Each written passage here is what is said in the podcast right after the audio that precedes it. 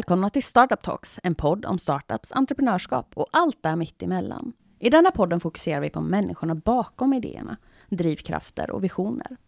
Startup Talks produceras av Lead, Östergötlands företagsinkubator, som arbetar med startups grundare för att hjälpa dem att nå sina mål och visioner snabbare. Vi tillhandahåller inte bara verktyg för att nå framgång i bolagsresan, utan på Lead har vi kunskap och erfarenhet för att hjälpa startups att bli lönsamma, samtidigt som vi ser till att deras sociala och miljömässiga påverkan är positiv. Man kan dra nytta av vår expertis och vår kollektiva kunskap och låta oss guida genom den processen att förvandla en startup till en framgångsrik sådan. Dagens gäst startade sin resa på LID som trainee i entreprenörskapsprogrammet Entrepreneurs in Residence, ett av de entreprenörskapsprogrammen som drivs av LID. Efter programmet har hon arbetat mycket på uppdrag av LID att marknadsverifiera tunga forskningsidéer, parallellt som hon har arbetat med annat. Detta för att ta forskningsidéerna närmare att kommersialisera produkter och tjänster. Idag har hon en nyckelroll i ett av bolagen på LID. Varmt välkommen Nathalie! Tack så jättemycket! Vad kul att du är här! Väldigt kul för mig. Mm. Berätta lite mer om dig själv och vad du gör till vardags. Ja, jag eh, jobbar på ett bolag som heter Polarlight. Ehm, de eh, gör något som heter mikroleddar. Och typiskt sån här tung forskning då, så det lättaste sättet att förklara det på är att på en fingertopp får man plats med fyra miljoner mikroleddar. Och det kanske är ja, ungefär ett par tusen gånger fler än med det vi har idag. Så att det är allt från augmented reality till att kunna ta ut en datorskärm i solen för att det blir så ljusstarkt. Det är potentiella applikationer. Men jag är då inte en av de här smarta forskarna som kommer på det här, utan jag jobbar på affärssidan som CMO. Du har ju arbetat med många olika forskningsidéer de senaste åren och när du började din resa som eh, trainee hos oss på LID, eh, där man arbetar med en portfölj av affärsidéer för att utveckla dem närmare marknaden. Hur är det då att liksom arbeta som man gör i traineeprogrammet, att arbeta med andras idéer? Men alltså, om man inte har tillräckligt bra idé själv är det ju ganska bra att få sno någon annans bra idéer och få jobba tillsammans med dem. Och teknik är väldigt kul och just när det är forskning har det ju potential att ha ganska stor impact. Socialt och också ekologiskt.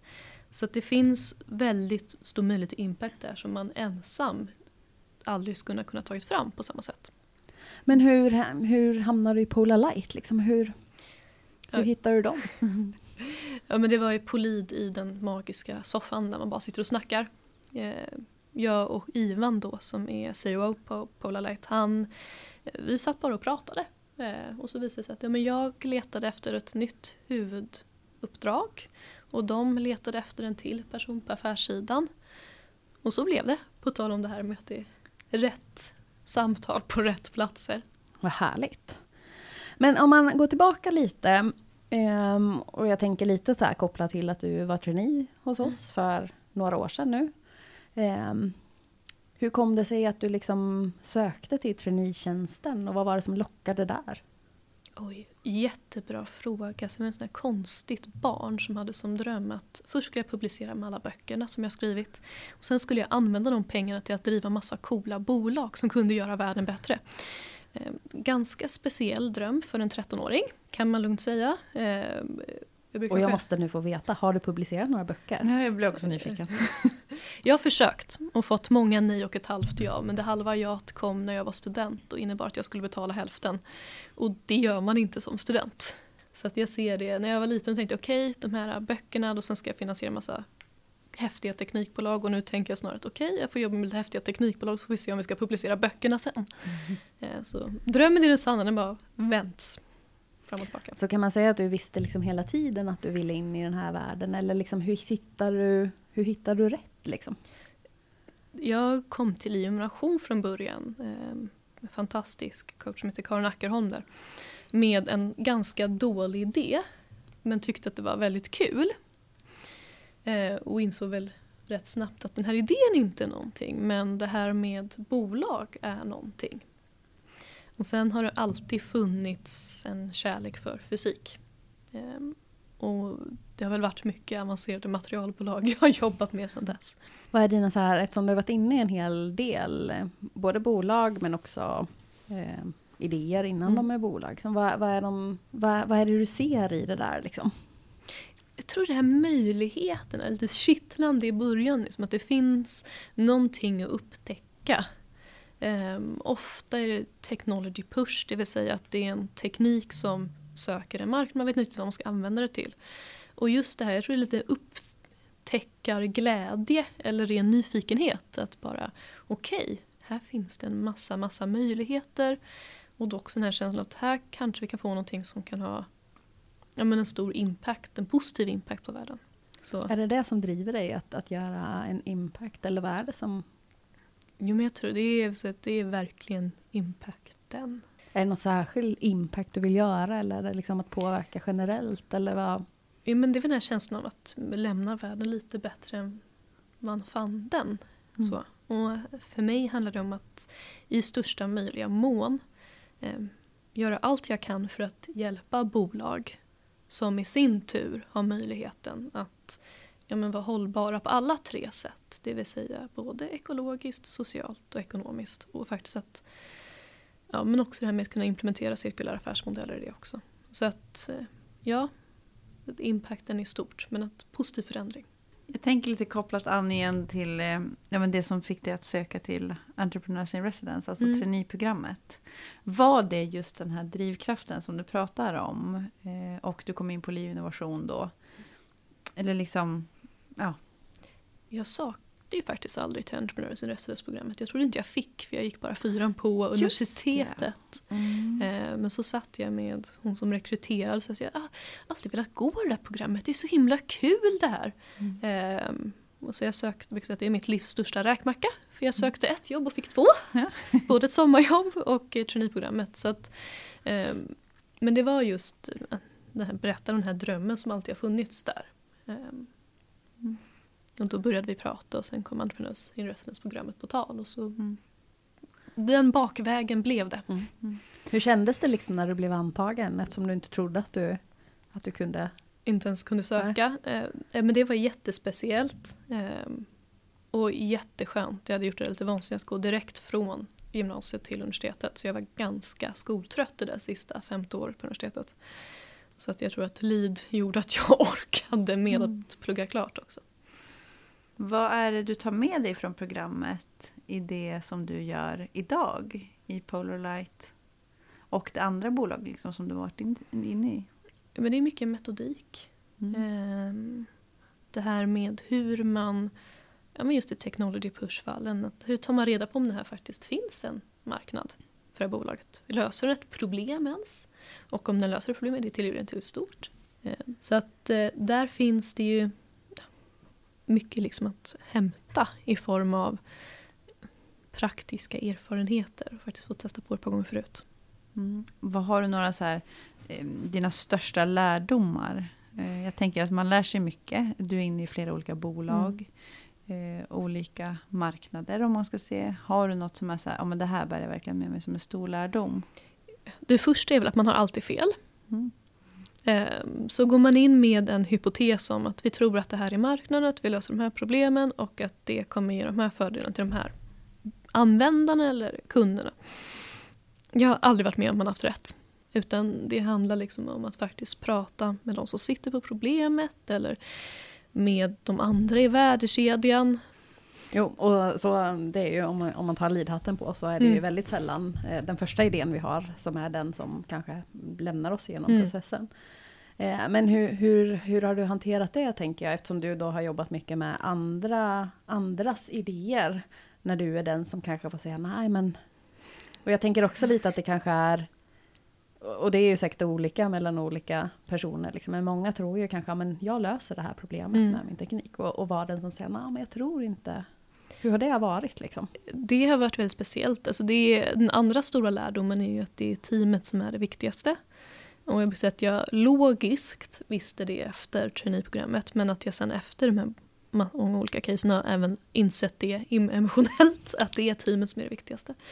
Så att där kommer det jätteofta upp till forskaren. Är det en person som kan hantera att tyvärr, här finns det inte potential där vi trodde men, men här kanske det finns potential istället någon annanstans. Så att där ska vi säga att allt ifrån att få dem faktiskt sitta med i de här mötena själva, höra lite från the belly of the beast, det vill säga potentiella kunder att nej men det här funkar inte. Um, eller tvärtom, efter ett sånt möte få sitta med någon annan och säga men här kanske vi kan ha någonting. Men ibland funkar inte det heller. Så att jag skulle säga att det är nog fler case vi har behövt droppa. Inte för att vi inte hade marknad, utan för att det har varit svårt att se att nej men det vi trodde, det stämde faktiskt inte. Men de casen ofta kommer tillbaka lite senare. Mm. Så det behövs inte en period för att landa. Mm. Och så kan det ju ofta vara. Mm. Hur har det liksom påverkat om man ser, du har dragit en hel del och du har varit inne i många case. Hur har det påverkat det du tar med dig nu till Polar Light? Där du kanske mer har en ja, men etablerad roll eller man kan säga, och jobbar bara med Polar Light. Ja, men jag skulle säga att det är både mycket från traineeprogrammet just det här med att faktiskt driva case och att ta mycket ansvar. Oavsett vilken roll du hamnar i ett tidigt bolag så måste du alltid ta mycket ansvar och ganska självgående. Så att där skulle jag säga att jag tar med mycket av projektledningen egentligen som också är Entrepreneurs in Residence-programmet. Eh, den enda som ser till att casen kommer framåt det är man själv och ens kollegor. Så att det är ju samma sak som i ett bolag. Det är ingen chef som generellt sett kommer till en med en uppgift som säger att det här ska du göra exakt. Utan man får se, okej okay, vad vill du uppnå? Och hur tar vi oss dit? Ja, men då är det bara att lära sig det. Precis. Du visste ju tidigt vad det var, ändå någorlunda kan man ju verkligen säga, vad du, vad du ville. Um, men vad är det som har lockat dig mest just med startup-världen och mm. entreprenörskap? Ja, men för att förklara den här känslan också liksom tidigare, det är något som kittlar lite. Det är det här nya, den här potentialen som man inte riktigt vet vad det ska bli ännu. Eh, jag brukar också säga att eh, jag läser alldeles för mycket nyheter för mitt eget bästa. Men det är ganska härligt när man läser mycket nyheter att då komma in på en plats som LID och jobba i närheten av sådana bolag och att jobba med sådana bolag som faktiskt försöker lösa många av de här världsproblemen. Man säger, okay, det är mycket negativa nyheter men det finns väldigt många människor som är väldigt mycket smartare än vad jag är som försöker lösa det här. Så jag tror att det är det den här, jag menar den här upptäckarlusten. Varför tog vi oss över till Amerika och varför åkte vi upp i rymden? Det är den här obotliga mänskliga nyfikenheten. Jag tänker vad är, vad är det så här, vi pratar ju om de här böckerna som mm. ska skrivas. När kommer, kommer du vara nöjd någon gång? Eller liksom vad är slutmålet eller visionen eller känslan du vill ha? Liksom, när du känner att nej nu, nu ska jag bara skriva böcker. jag är ju en sån knäpp människa som älskar förändring så jag tror inte att det finns ett slutmål utan att i mitt fall så är resan slutmålet. Um, det, den känslan som jag vill ha, det är nog den känslan som jag har nu också. Det vill säga, jag tror, jag kan bara se det på resten i min släkt, det bara kliar i fingrarna så fort de försöker gå i pension. Att jag tror inte att jag kommer att bli klar med något av det. Eh, varken att skriva eller med startups. Så att det, i det här fallet är det nog resan som är målet.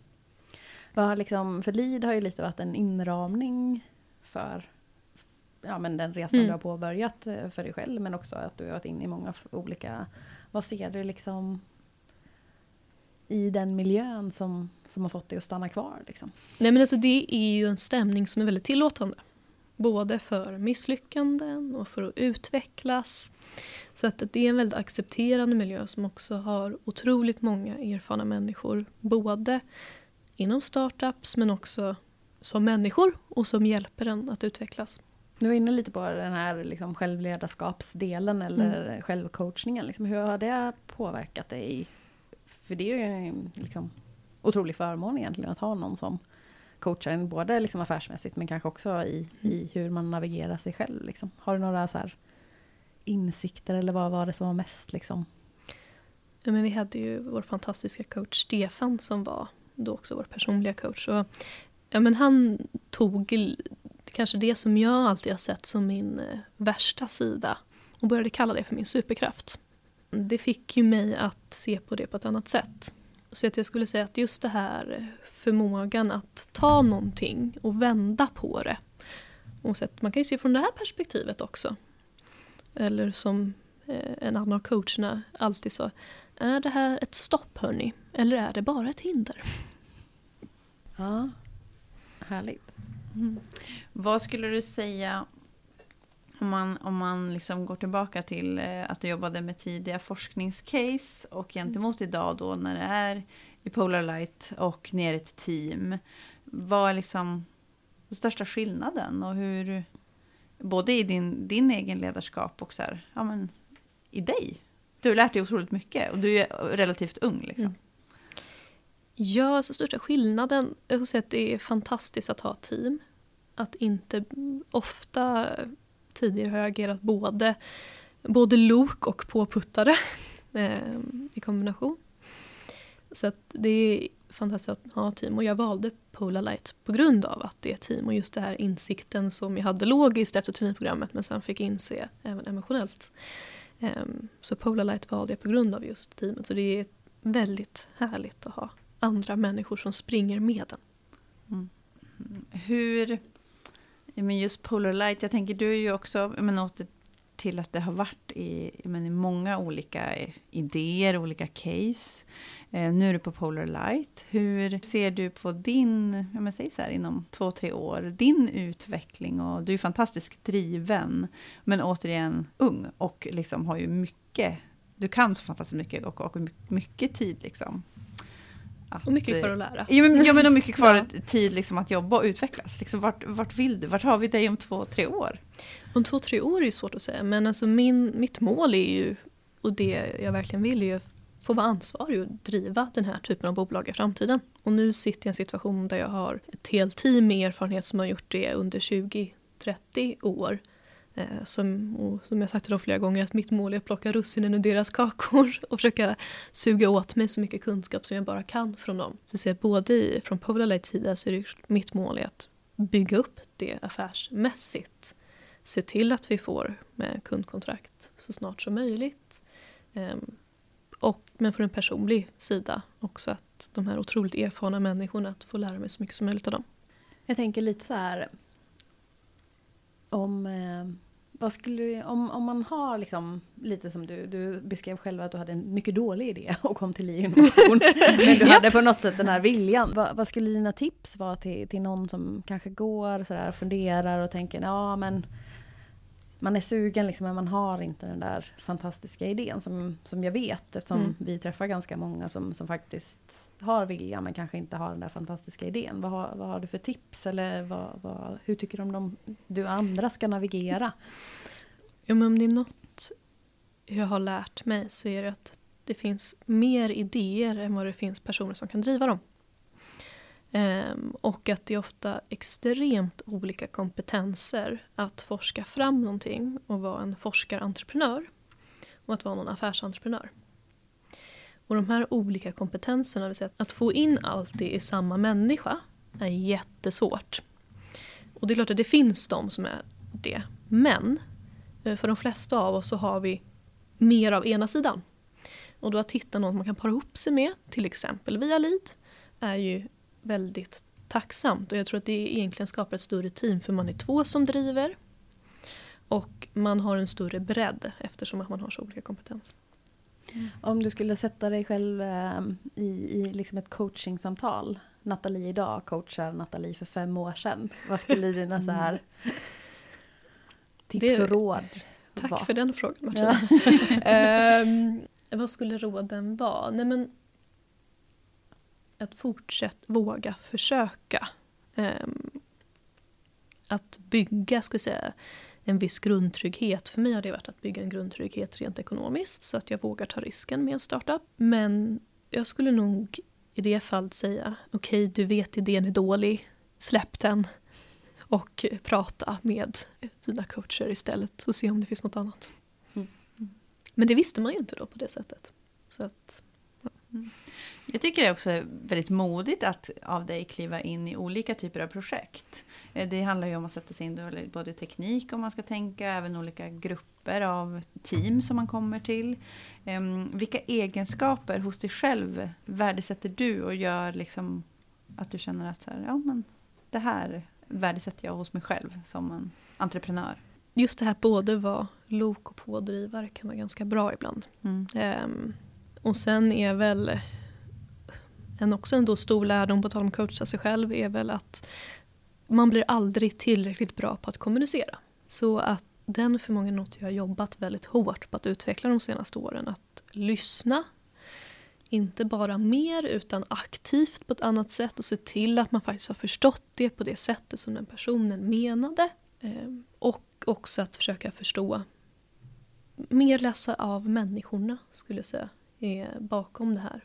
Vad är det som driver dem? Eh, I många case som vi har, som sagt, det är ofta läsa och utvärdera människor och kan man hur förstå den här människan ja, idén kanske är jättebra men är forskarentreprenören bakom den någon som faktiskt kan ta den idén vidare? Hur gör du det? Liksom? Mycket frågor.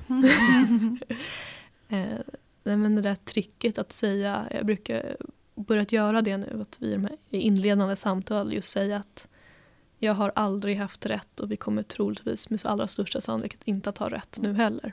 För det skapar en viss ödmjukhet. Hur tar, eh. tar människor det? Det är ju det man får kolla på. Ja. Mm. Men just, jag skulle säga, reageras det med ego höjs det en röd varningsflagga i mig. Ehm, reageras det på med rädsla, då finns det verktyg. Rädsla går ju att hantera. Eh, att okej, okay, om det inte är som vi tror, då kanske inte min idé håller. Oj, vad läskigt. Och det är klart att det är läskigt. Så att eh, jag skulle säga att då handlar det mycket om att trygga den här personen. Att ja, men vi kommer hitta en väg. Liksom. Jag tänker lite, många av de här idéerna du har jobbat med och lite det är ju inne på, och du är ju teknikintresserad, men det är mm. ganska tung teknik och det är väldigt komplex, eh, avancerad teknik. Och du kommer ju från ett mer marknad, eh, mm. affärssidan. Liksom. Hur, ta, hur, hur funkar det? Hur tar man sig an det liksom, för att förstå tillräckligt mycket, men man kan ju inte förstå allt. Liksom. Ett genuint teknikintresse. Fysik var ju mitt favoritämne. Um, och jag tror att framförallt i de casen där det är längre, så brukar jag säga att jag behöver inte förstå hur man gör någonting. Till exempel, jag behöver inte förstå hur nanopartiklar formeras på ett sätt som de får hög ytarea. Ehm, eller hur man bygger upp tunnfilmer för att få rätt elektriska och och eh, ja, ljusmässiga egenskaper. Men jag behöver förstå vad de här olika strukturerna eller olika egenskaperna får för fördelar eller nackdelar i en eventuell applikation. Jag behöver förstå konsekvenserna av dem. Så att jag skulle säga att det är, jag brukar ofta sätta mig ner med forskare och ställa väldigt många dumma frågor för att på något sätt ändå greppa, okej, okay, vad, vad blir konsekvenserna av allt de här, ja, om du har ett visst lager som är två mikrometer tjockt istället för tre, vad är konsekvensen av det då? Mm. Spännande att få nörda ner lite. Det är väldigt mm. nördigt, väldigt kul att nörda också. Jag tror det. Man får nog tycka om att nörda en del. Mm. Det ingår liksom. Det, det ingår definitivt. Mm. Min tanke är också så här, du kan väldigt mycket om mycket. Har du ett eget intresse att driva, att ta reda på? Du säger ju att du ställer frågor, men... Jag var ett hopplöst barn. Mm. Ehm, frågan varför kom väldigt ofta. Det gör den fortfarande. Så jag tror att det finns en, just den här nyfikenheten, och drivkraften att faktiskt förstå och lära sig. Ehm, så jag man kommer ganska djupt. Så att det är ganska många djupa spetsar och sen en generellt översiktlig lager ehm, när det kommer till men olika marknader. Om vi tar så här, vem är bäst i världen på det som du gör? Vem är liksom inspirerar dig? Eh, är det någon du ser upp till? Och... Oj, jag ser upp till flera personer. Mm. Många av coacherna på LEAD måste jag säga och också till exempel Peter på Polarlight och Lennart. Um, men, men om, jag vet att ni har pratat med Åsa tidigare bland annat som har en otrolig förståelse för människorna bakom.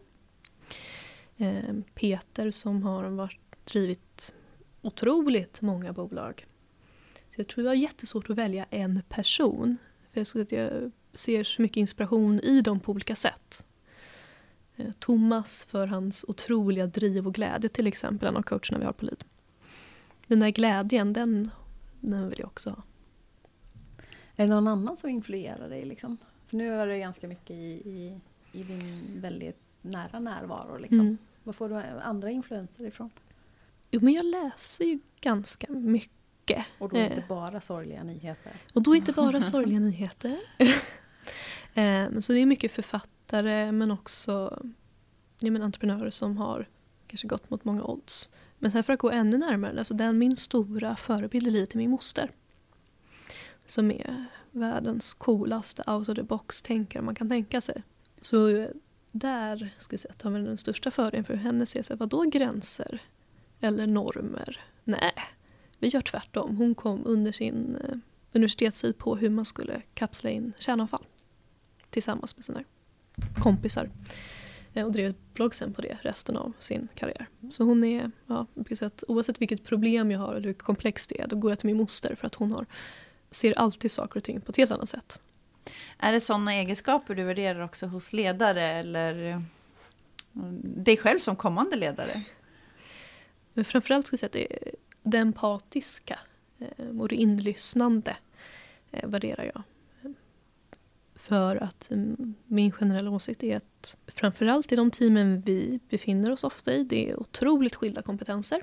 Ganska olika människotyper som måste samarbeta och som ja, ska prestera sitt bästa efter sin förmåga. Och då skulle jag säga att just empatiska, eh, att kunna hålla ett fokus, att faktiskt få de här olika människorna att kommunicera med varandra och sen sätta ihop den kommunikationen till en gemensam riktning som alla kan förstå. Ehm, den är någonting som jag tror är superviktig. Ja, absolut. Eh, något för oss att ta med oss. Jag tänker att det börjar bli dags att runda av stort tack för att du kom Nathalie och tack för att du fick dela med dig lite av, av allt spännande som du har fått göra. Framförallt kanske de senaste åren och höra dina tankar lite mer på entreprenörskap. Tack så mycket mm. själva. Tack Nathalie.